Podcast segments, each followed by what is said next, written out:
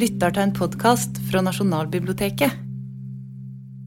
Vi skal jo, siden vi er her på Nasjonalbiblioteket, tross alt, så blir det litt grann filmhistorie. Og så blir det litt eh, tull og tøys. Og så blir det selvfølgelig en diskusjon om hva som er eh, råttent i kongeriket Norge. Både anno 1972 og i dag. Men jeg tenkte aller først eh, at dere tre kunne si kort bare litt om deres eget forhold til filmen. Og hvorfor dere tror den har festa seg da, og blitt en sånn kultklassiker som innmari mange nordmenn ser hvert eneste år. Bent? For meg er filmen en slags uh, minnebok. Jeg husker jo ikke noe særlig fra akkurat fra de dagene de få dagene filmen ble innspilt, men jeg vokste opp i leiligheten i Bo, på Bogerud. Uh, altså det er filma hjemme hos dere, de der hvor Olav 5. og kona bor? Der hvor de flytter fra, okay, ja. ja, det, er, ja så det, er, det er liksom lekene mine og broren min sine. Det er eh, bilen vår, eh, den røde Taunusen. Det er eh, bestemor sin folkevogn som blir vasket hele tiden av han kjipe naboen. Og så videre. Så, så, det, så jeg har litt sånn rart forhold til den filmen. Mm. Det er smart, det, for da kan du trekke fra alt som utgifter. Så det er bare rekvisitter, alt. Du Nei, jeg er jo Den kom jo før jeg var født. Det gjorde den ikke, jeg var tre år gammel. Men i hvert fall før jeg begynte å se på noe sånt. Så jeg oppdaga ikke den før litt seinere. Men den har jo hatt noen sånne revivaler hele veien og kommet tilbake igjen på fjernsyn mange ganger. Så Jeg syns jo selvfølgelig Wesenlund var en av de aller morsomste jeg visste om. Det begynte jo med det. Og i den så blomstrer jo han. Eh, og jeg gjør jo en fantastisk figur. Det er jo de tingene man husker. Figurer. Figurer. Men han gjør likevel en god figur, han. Men, men eh, så han har jo funny bones hele veien, og det går jo aldri imot den, det. I tillegg til at tematikken i seg selv er jo ganske hverdagslig og normal. Så det er i hvert fall eh, min eh, svært enkle analyse av hvorfor den holder fortsatt. ja, jeg så den eh, sammen med foreldrene mine kanskje da jeg var rundt ti år. Og så er jeg usikker på om jeg har sett den om igjen før jeg så den nå, for noen uh, dager siden. da. Men uh, jeg husker at eh, jeg lo eh, mye. Det må ha vært på TV, da, fordi jeg var ti år i rundt 79. Um, og det der med, altså det er jo flere ting som har gått inn, ikke bare i språket i vår familie, sikkert, men i, hos uh, veldig, veldig mange nordmenn, og som jeg opplevde som litt sånn frekt og vovet og sånn som, som, som tiåring. da, At det var over toppen. Mens, mens, det i dag er, ikke oppleves som over toppen på samme måte. Hva tenker måte. du på da, eksempel? Nei, altså Bash and Carry og den derre Si laken og mora di danser naken. Det, det, det var igjen det, det var kjempefrekt og helt sånn rådrøyt ting å si til mora si. da. Det var din storebror Bent. Jeg rødma litt mens uh, Det er frekkere enn Frost og Fjells. Ja, det, det. Nei, og den, den, den, er jo veldig i, i, tida. Altså, Den plukker jo opp sprø uh, innfall på en annen måte enn de fleste andre norske komedier hadde gjort på den tida. Leke med form og, og tøyse. Sånn, skifte fortellergrep uh, stadig vekk. Man, man, aner jo litt sånn eh, Monty Python-esk innflytelse. At de har fått med seg litt sånn løsrivelse av, av formene og, og, leking med konvensjoner som foregikk akkurat da andre plasser i Europa. Det tror jeg var duggfriskt i 1972. Og så er den jo veldig sånn sitatvennlig, ja, ja. Liksom som du var inne på, som også er ofte en forutsetning for at filmer får en sånn eh, rolle som er utover seg sjøl. Ja, og det der Masta Toyota og så slå i veggen, det var jo kjempegøy. Eh, Bent, filmen skulle også være et slags eksperiment i hvor billig man kunne produsere spillefilm i Norge. Nå sa du litt om det med at du brukte sin egen kåk som location og sin egen bil og sånn. Men, men, ellers, hvordan var det det gikk fram for å holde produksjonsutgiftene nede? Ja, det var kort produksjon. Det var, altså de, de laget jo ikke noe manus. Det var uh, i april i 71 så ble det skrevet en søknad om et eh, garantilån fra staten. Eh, Og der er, Det er det eneste dokumentet man har, og der er det liksom Det er ikke paginert, fordi han visste ikke helt hvilke sketsjer som skulle komme først, og de var ikke på langt nær utarbeidet, og det var ikke noen, noen dialog der i det hele tatt. Så det var liksom veldig kort tid for, eh, for denne produksjonen. Da, den kom jo ut på nyåret 72 og var uh, filmet inn på veldig kort tid. Det er ikke brukt noe studio, så du har ikke liksom utgifter på det. Du har bruker, de har brukte 16 mm Super 16 uh, som den første filmen uh, i Norge, som ble da oppblåst til kinoformat 35 mm. Så, så, det gjorde at man fikk veldig lave laboratoriekostnader og filmkostnader. Og men, men, fikk det noen påvirkning på hvordan andre også tenkte filmproduksjon i Norge på samme tid? Det vet jeg ikke, men, men det var starten på en lang lang rekke med Super 16 oppblåst til 35 som, som kom utover 70-80-tallet. Kan vi ikke bare gi faren din ære for det, da? Ja, det, det, er en svenske som skal ha æren. Det var han som fant opp dette formatet på slutten av 60-tallet. Hvor, hvor lang tid ble den tatt tok over? Opptakene skulle ta 21 dager, men det ble 22 dager. Eh, så det, var, så det, gikk fort, og de hadde På kvelden så hadde de da møter om hvordan det hadde gått med dagen, hva, hva de skulle gjøre dagen etter. Mm. Uh, ja, fordi det er jo sånn, Du nevnte jo litt i sted det veldig veldig tynne manuset. Og i filmen så er det jo skuespillerne som er kreditert manuset. Så det var en sånn slags grunnidé i bånn. Og så var det en, var det en ganske fri Det er jo bare treatment, egentlig. Ja, jo, jo. Sider, ja. Mm. En ganske fri eh, improvisasjon, egentlig. Mm. Veldig. Jeg tenkte på det også i forhold til Pål Bang-Hansen. For det var, jo, det var jo nesten ingen norske regissører som hadde utdanning på den tida. Men han hadde jo faktisk vært i Roma og tatt ordentlig filmskole. Det er jo sånn typisk da når man skriver sånn historiefortelling, så liker man veldig å ha sånn årsaksvirkning. Så jeg vet ikke hvor eh, korrekt det egentlig er, men det er jo mange som snakker om at han har sånne isbett av neorealisme. Som mm. jo da var eh, selvfølgelig hadde vært en veldig dominerende retning i italiensk film. Og jeg tenker at den frie tilnærmingen som de filmene hadde, hvor man skyter sånn veldig fra hofta, mm. det må jo egne seg ganske godt for en sånn, eh, en sånn improvisert prosess. da. Ja, jeg tror at eh, en del av den improvisasjonen kanskje skyldes også at han hadde laget to filmer før med Rolf Wesenlund. En kortfilm som heter uh, how I accidentally became an art collector without really trying. og hvor det ikke er noe dialog i det hele tatt omtrent. Og så er det Douglas. Douglas. Uh, som jo ikke det, er en komedie i det hele tatt? Nei, som ikke er en komedie, og som kanskje ble sett på selv litt morsom pga. at Rolf Wesenlund hadde hovedrollen der. Uh, og man må jo le bare man ser han. Men, men det kan nok hende at faren min opplevde at uh, Rolf Wesenlund uansett ikke greide å holde seg til manus. Så det var liksom, det var helt fånyttes ved å begynne å skrive hva han skulle si. Det, det gikk ikke an å styre han, tror jeg. Jeg tror vi skal eh, rett og slett se kveldens første klipp. Den plagsomme naboen, kan vi jo kalle det. Som da er naboen fra deres opprinnelige blokkleilighet, som da kommer for å hovere, egentlig, da, på byggeplassen på det nye huset til Olav 5.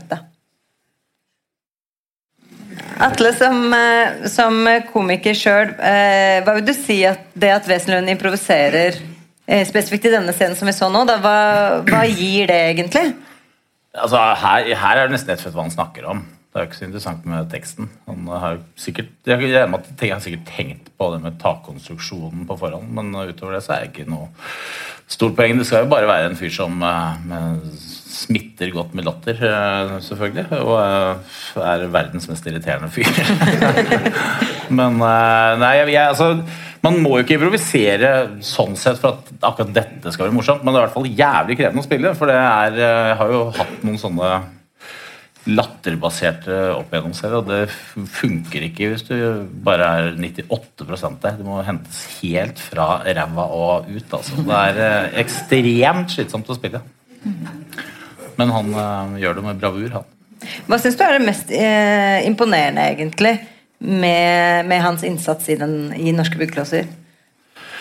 Nei, altså, Jeg aner jo ikke det, Hvis alt er improvisert, så er det selvfølgelig veldig imponerende, men han har jo veldig mange dritkule figurer som er svært morsomme. Så merker man at han har et eh, ganske godt uh, Han er jo en fyr som har fulgt med. Hvis, liksom, hvis de ikke har satt ned så veldig mye av eh, tematikken på forhånd, så er det en fyr som har Jeg regner at de sikkert har gått gjennom noe faguttrykk og sånt når han skal være inspektør og litt sånne ting, men uh, han har i hvert fall uh, fått inn de.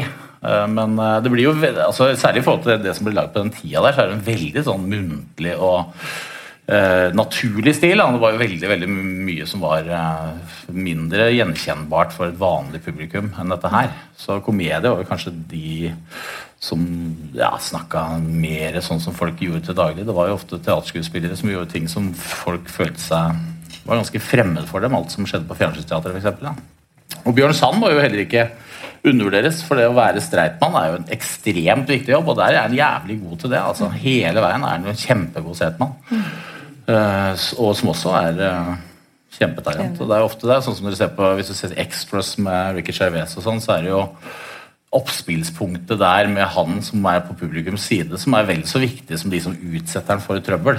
Og det var litt av tanken vi hadde når vi gjorde Etaten og Nav og sånn også. Det er jo det er jo ikke alltid den personen som er morsom, det er jo egentlig mer det han blir utsatt for. ikke sant? Så... Men hva tenker du, Ellen? For Egentlig så var det jo Harald Heide Steen som skulle spille Olav 5., og så ble han sjuk. Det var det sa fire dager før innspillinga. Eh, og da kan man jo tenke at det kanskje kunne ha blitt en, en, litt annen film. da. Hva tror du om tonen i filmen hvis det hadde vært Heide Steen som hadde blitt utsatt for overgrep etter overgrep? Det er jo litt vanskelig å se for seg at han skulle være den tilbakeholdte som speiler Jeg tenker Det er helt umulig å se det for seg. egentlig At han skulle kunne holde igjen gjennom 22 opptaksdager, liksom, mens Wesenlund fikk lov å liksom spinne av gårde i 120. Mm.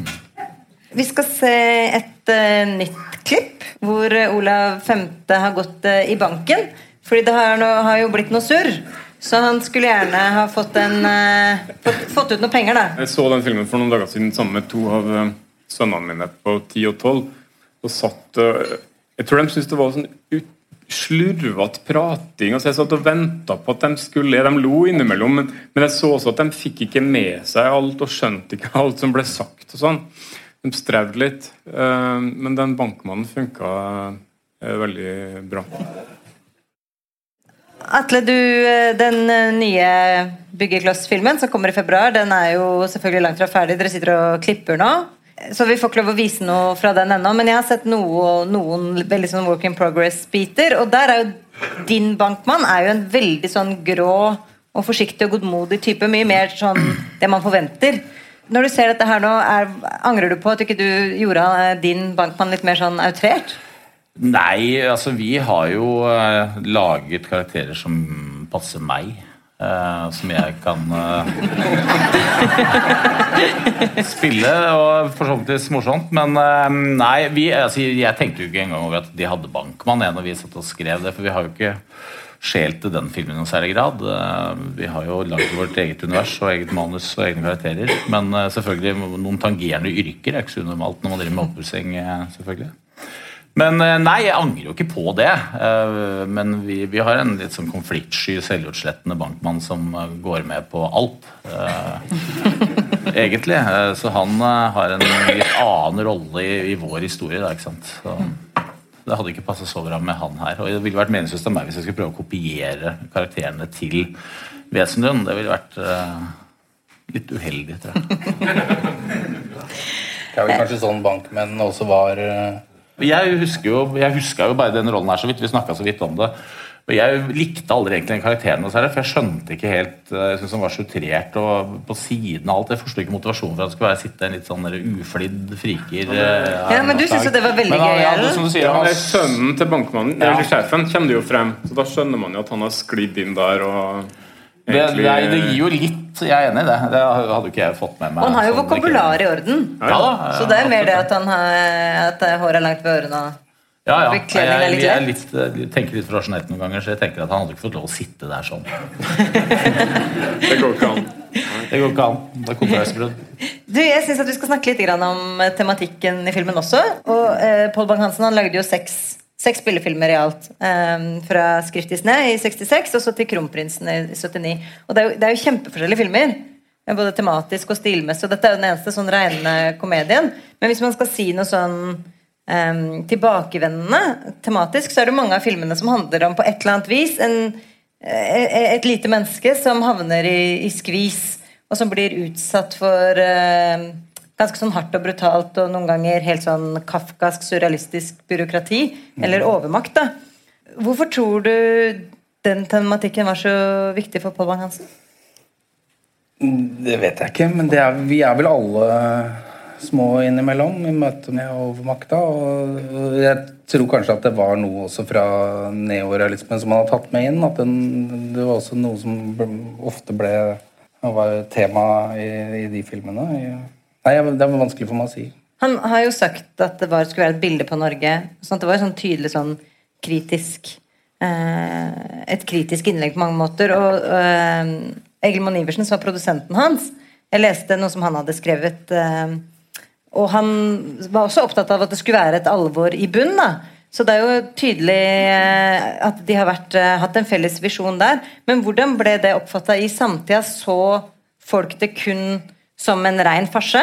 Eller var det noen som på en måte plukka opp de kimene til sånn uh, politiske uh, innlegg også, som jo ganske tydelig egentlig ligger i filmen? Alle sammen får jo med seg at disse rollene til Rolf Wesenlund refererer da til regjeringsmedlemmer. og det er samme navnet, ikke sant? Ja, det er samme etternavn. Trygve Bratteli, Brattelis regjering og, og, liksom landbruksministeren av gartneren og, og, hele veien Steen uh, var jo da Reiulf Steen, ja. Reiulf Steen var samferdselsminister og hadde akkurat forsøkt å forby rallysport. Mm. Så, så, det så, det er jo navnet på han elektrikeren ja, som jo ja. bare kjører rallybil istedenfor å elektrike. Ja. så men han får vel litt kritikk av Haddal bl.a. for at han ikke tar den eh, er tøff nok, og, og, at det blir for mye moro, liksom. For lite altså Kritikken skulle vært hardere, mente Haddal, tror jeg. Da jeg så den, så tenkte jeg jo at det her er jo eh, nærmer seg 30 år etter krigen. Sosialdemokratiet er bygd opp jevnt og trutt i 25-28 år eller noe sånt. Uh, og, og, og, det jo, korresponderer jo akkurat med den tida hvor det begynner å slå sprekker for første gang. sant? At det kommer opp uh, et parti, da, Anders Langes parti, cirka på den tida her, som nettopp var mot alle de for, forordningene og reglene og det tungvinte byråkratiet. Så Filmen er jo ikke populistisk i, i den forstand, men den har det, det, jeg tror jo at det er en av grunnene til at den virkelig fant en uh, gjenklang hos ekstremt mange. da. Man kjenner jo det herre mm, At man spiller på en sånn misnøye som lå latent? Ja, altfor mye, altfor vanskelig sånt med byggegreier. Det er en absurd scene her hvor han stoppes av to politipersoner som plutselig hopper over i noe sånn stumfilm uh, musikk med piano og tekstplakater og sånne overtramp av makta, da. Trafikkpolitiet var jo også en, uh, bygget på en, en faktisk uh, virkelig ja, det, karakter? Det var i hvert fall en en dame som ble kalt for Mosseveiens skrekk akkurat rundt denne tiden her. Og hun var visst helt rå til å ta folk øh, Og liksom gjemte seg i buskene med, med fartsmåler.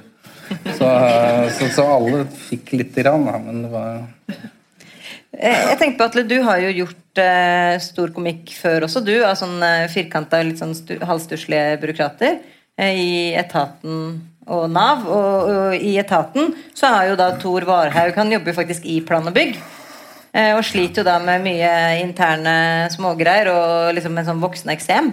Men eh, hva er det, tror du, som gjør at en sånn eh, firkanta byråkrat egner seg veldig godt for komikk?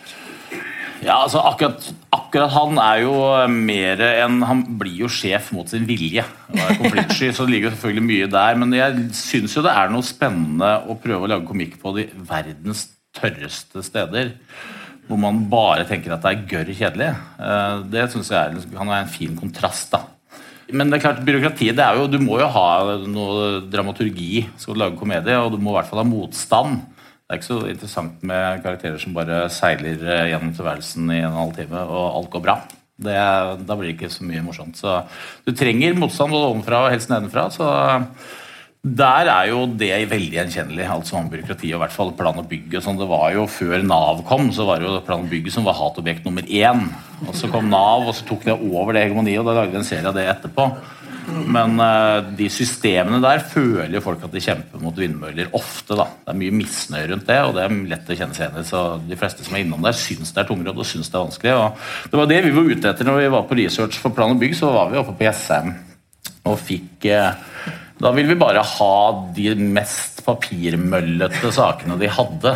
Og da fikk vi noen sånne eh, ekstreme ting hvor du måtte ha liksom elleve skjemaer hvis du skulle bygge på privat grunn med privat kloakk og skulle ha våtrom. Uh, som var uh, under 50 kvadrat. Det var, det, var, det var, noe av det verste du kunne søke om. For det, da er det altså så, Det er ikke bare skjema, men også bilag og vedlegg til alt. da. Og, og det er jo, så akkurat den det har liksom holdt seg hele veien. Byråkratibiten går jo liksom aldri av, av moten her. Så den, eh, det er en stein, og det er lett å lage. Det er noe de aller fleste kjenner seg igjen og Det er jo vesentlig hvis du skal i hvert fall favne bredt. Du trenger jo felles referanser. Han har jo mye å stri med. Det er jo ikke bare byråkratiet. Det er jo helt sånn uforståelig udugelige håndverkere. Og så er det jo kanskje egentlig den kjipeste karakteren er jo Arve Oppsal, som spiller entreprenøren Kleppe, som jo er bare er rett og slett en, en skikkelig skurk. Eh, hvis dette her skal være en allegori over Norge anno 1972, hva slags bilde av det norske folk er det vi får servert, egentlig? eller? Nei, altså det her var jo Folk hadde jo begynt å, å bygge eh, hus i plutselig mye større skala. Det var sånn 60-tallet her skjønt var veldig eh, mye boligmangel. Og her hadde Ikke vet jeg hvorfor, men de må ha sluppet løs et eller annet. Eller det var lettere å få lån, eller et eller annet. Så det, og, og, vi møter jo en rekke altså litt sånn urskikkelser. Han, han snekkeren jo, jo, kommer jo tydeligvis fra Toten. Vil jo egentlig hjem så fort han, han kan. Og går jo der og, og surrer. Elektrikeren som du var innom, jo, kjører jo rundt øh, manisk og kommer innom og dropper av noen, øh, noen ledninger i ny og ne. Øh, Kleppe er jo øh, kapitalisten i det. Han skal jo bare få ut sine penger. Vi møter ham jo seint i filmen ute på en luksusbåt hvor Olav 5. helt desperat eh, ror ut. ror ut for å, få, for å ta en alvors, alvorsprat. Så det er en, sånn, det er en klasseskildring altså fra snekkeren, på en måte, som er den, helt mannen på gulvet, eh, via, via Kleppe, som er han som skor seg på idiotiske eh, Olav 5. og kona. Og dem er jo da på en måte den middelklassefamilien som har kommet seg opp og fått nok midler til å gjøre noe sånt, da. men bare så vidt, og egentlig knapt nok. Eh, særlig fordi de selger leiligheten sin eh, for å være grei til noen som trenger det, og ikke til eh, den prisen de kunne ha fått med penger under bordet, som var det vanlige den gangen. Og det ler jo han ondskapsfulle naboen ekstremt mye av. da. Den eh, godmodige idiotien. Så det, blir jo et tverrsnitt av Norge på den tida, med alle de karakterene her. Jeg ser noen paralleller egentlig fra Olav Femte til hovedpersonen i din roman Fonk. Eh, I det at han som er en, en, ganske fortapt type, egentlig. Olav 5. har jo egentlig mye gående for seg. Da. Det har jo ikke Fonk, han er jo helt uh, nedslått, stakkar. Men han oppdager jo da tidlig i boka at, at eh, grunnmuren hans er ganske råtten. Men istedenfor å på en måte ta grep og tenke at her må det saneres, så bare, så bare sparker, maler han litt, så er han egentlig bare opptatt av at de gravide naboene ikke skal legge merke til at, at hele huset er i, i råtten forfatning. Er det litt sånn uh, typisk norsk? At man bare liksom lukker øynene for realitetene og bare liksom håper at det skal gå bra. da. Litt sånn som Olav 5. og kona hans har jo veldig den innstillinga. Ja, som nasjon vil jeg jo kanskje ikke si at det, jeg tror ikke det er mindre grundig enn andre. Det, så, så drøy påstand eh, kommer jeg nok ikke med. Men det er jo fristende, spesielt i stressa situasjoner. Kommer nettopp ut nå sjøl fra en sånn ekstrem eh, lang oppussingsrunde hjem. Og man blir jo manisk og helt sprø av det. Og en rekke ting som man burde ha tatt tak i der, og da blir jo liggende kanskje, kanskje i årevis, sånn som det føles nå. Så, og det, det, det Sånn sett skjønner jeg jo han Olav Fente kjempegodt. At nå, nå, flytter vi inn, og det, ingenting er ferdig, men vi får la det være. da. Men som nasjon tror jeg ikke det, det er ikke noe bilde på Norge som nasjon. Tvert imot tror jeg nok vi kommer fra veldig sånn solide, ordentlige folk. da. Du, ben, kan ikke du si litt om, om dette huset? som filmen ble innspilt i? For dette er jo ikke en studioinnspilling, det er jo en faktisk location. Ja, dette her er ikke langt unna der hvor uh, Wesenlund bodde. Så, så, det var bare praktisk. Uh, rent praktisk for å få han til å komme på sett. Og at man kunne liksom dra og hente han på morgenen. Og han hadde liksom fikk en kort vei til jobben fordi han, han var travel og skulle jo altså, De holdt jo på til sett sent på kveld også med liksom forberedelser til dagen etter og sånn. så så dette var, eh, var bare rent praktisk eh, valg. Så han fikk litt sånn stjernebehandling, egentlig? Ja, han gjorde det. Jeg tenkte på eh, Vi må jo snakke litt om oppussing. Du var jo inne på det litt nå. Du har jo kommet akkurat ut av et oppussingshelvete, sier du, og det har vi vel alle på en del tidspunkt i livet. Det har jo blitt den nye folkesporten. Atle, I originalfilmen her så bygger de jo et hus, mens i deres film så skal de pusse opp et hus isteden. Kan du ikke si litt om det valget? Ja, Det er jo en uh, totalrenovasjon, egentlig. Så det er ikke så veldig langt unna. Pluss et tilbygg uh, i noe Altså, De hyrer jo på en arkitekt. Eller uh, naboen deres overtaler dem til å hyre på en arkitekt. og han er litt alternativ, så han er bl.a. opptatt av halm og kobbleire. som jo noen få i Norge har bygd huset i, for det puster jo så godt. ikke sant? Så han insisterer på at tilbygget skal være i halm. Uh, og det høres ut som en god idé til å begynne med, men det er jo ikke nødvendigvis det. Uh, så, så det, det, er jo litt, litt, av begge deler, altså. Men det, har jo, det har jo gått noe tid, så vi, hovedhåndverkeren som jeg spiller, er jo fra Latvia, blant annet.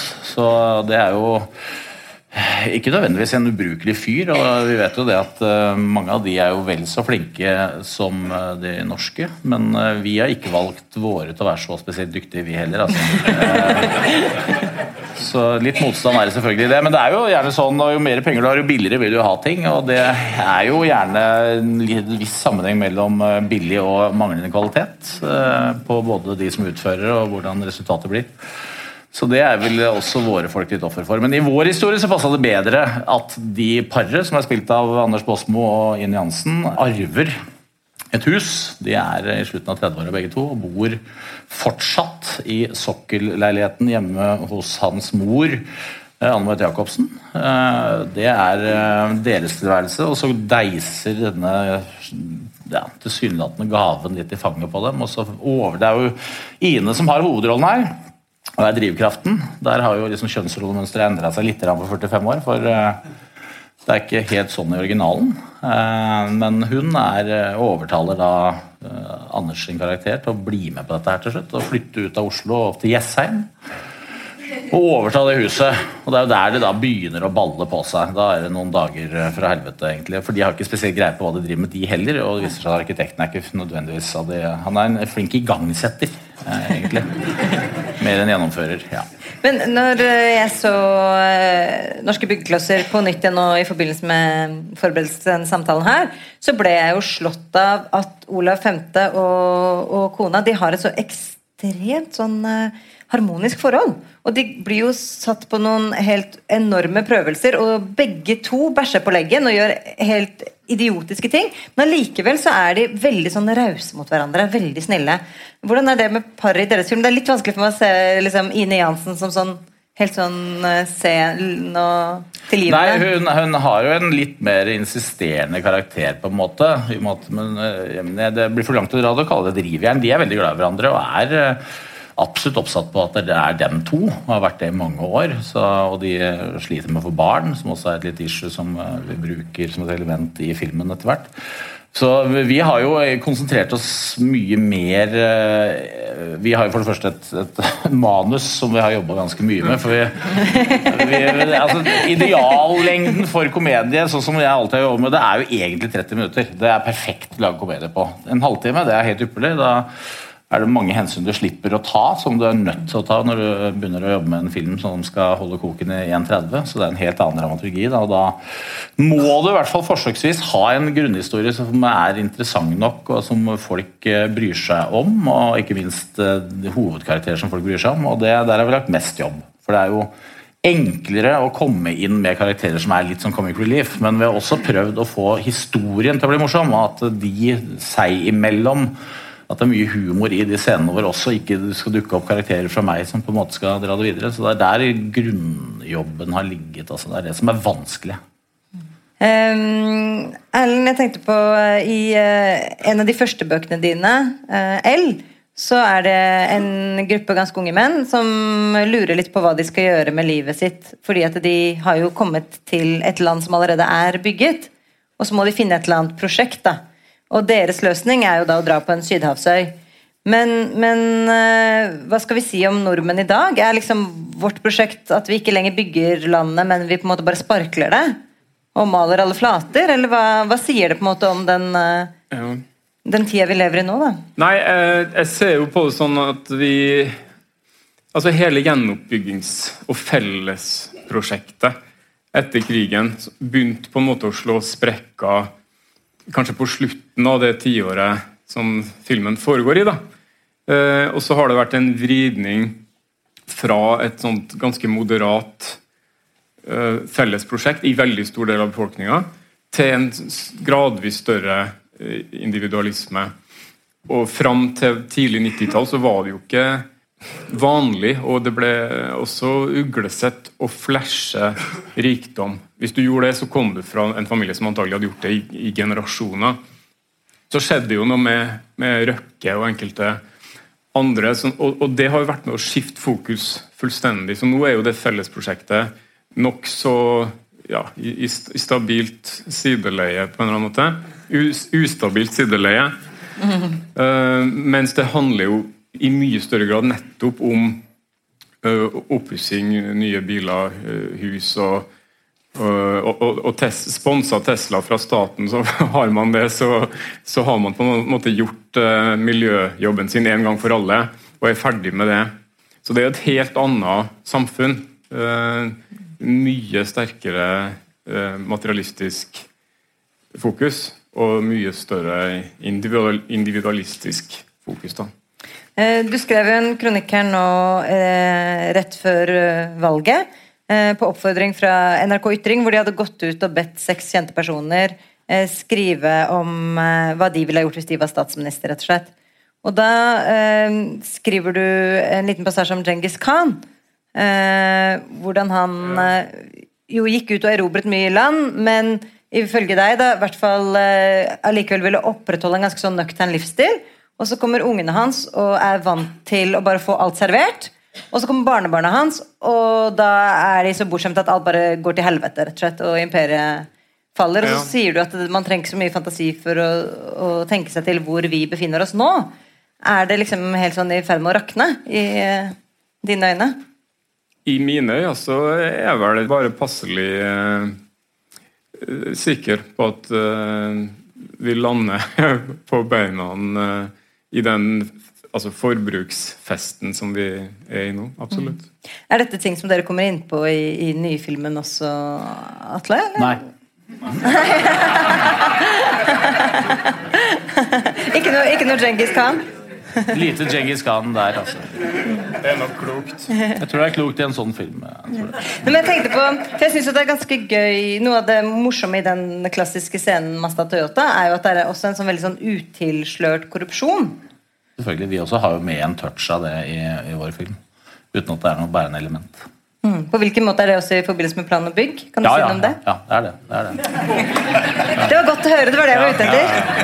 Det er en runner, det pga. den tittelen som var gitt til eh, dette, denne samtalen, så syns jeg at det er ok og at vi også snakka litt om de samfunnsengasjerte elementene som ligger i, i, filmen. Men film er jo, og særlig denne, er jo først og fremst bare drivende godt håndverk og underholdning for at det skal fungere, og at man har eh, en evne til å kommunisere. Og så fant jeg et uh, sitat fra uh, Paul Bang-Hansen som han kom med i et intervju uh, med Alle menn i 1971. altså året før denne filmen kom ut, som jeg syns var en sånn fin måte å avslutte eh, samtalen på, hvor han sier at samfunnsengasjert eller ikke, kan en film fortelle noe som en vanlig mann kan tro på og forstå, da er det en god film, og da vil den bli sett. Så takk for i kveld.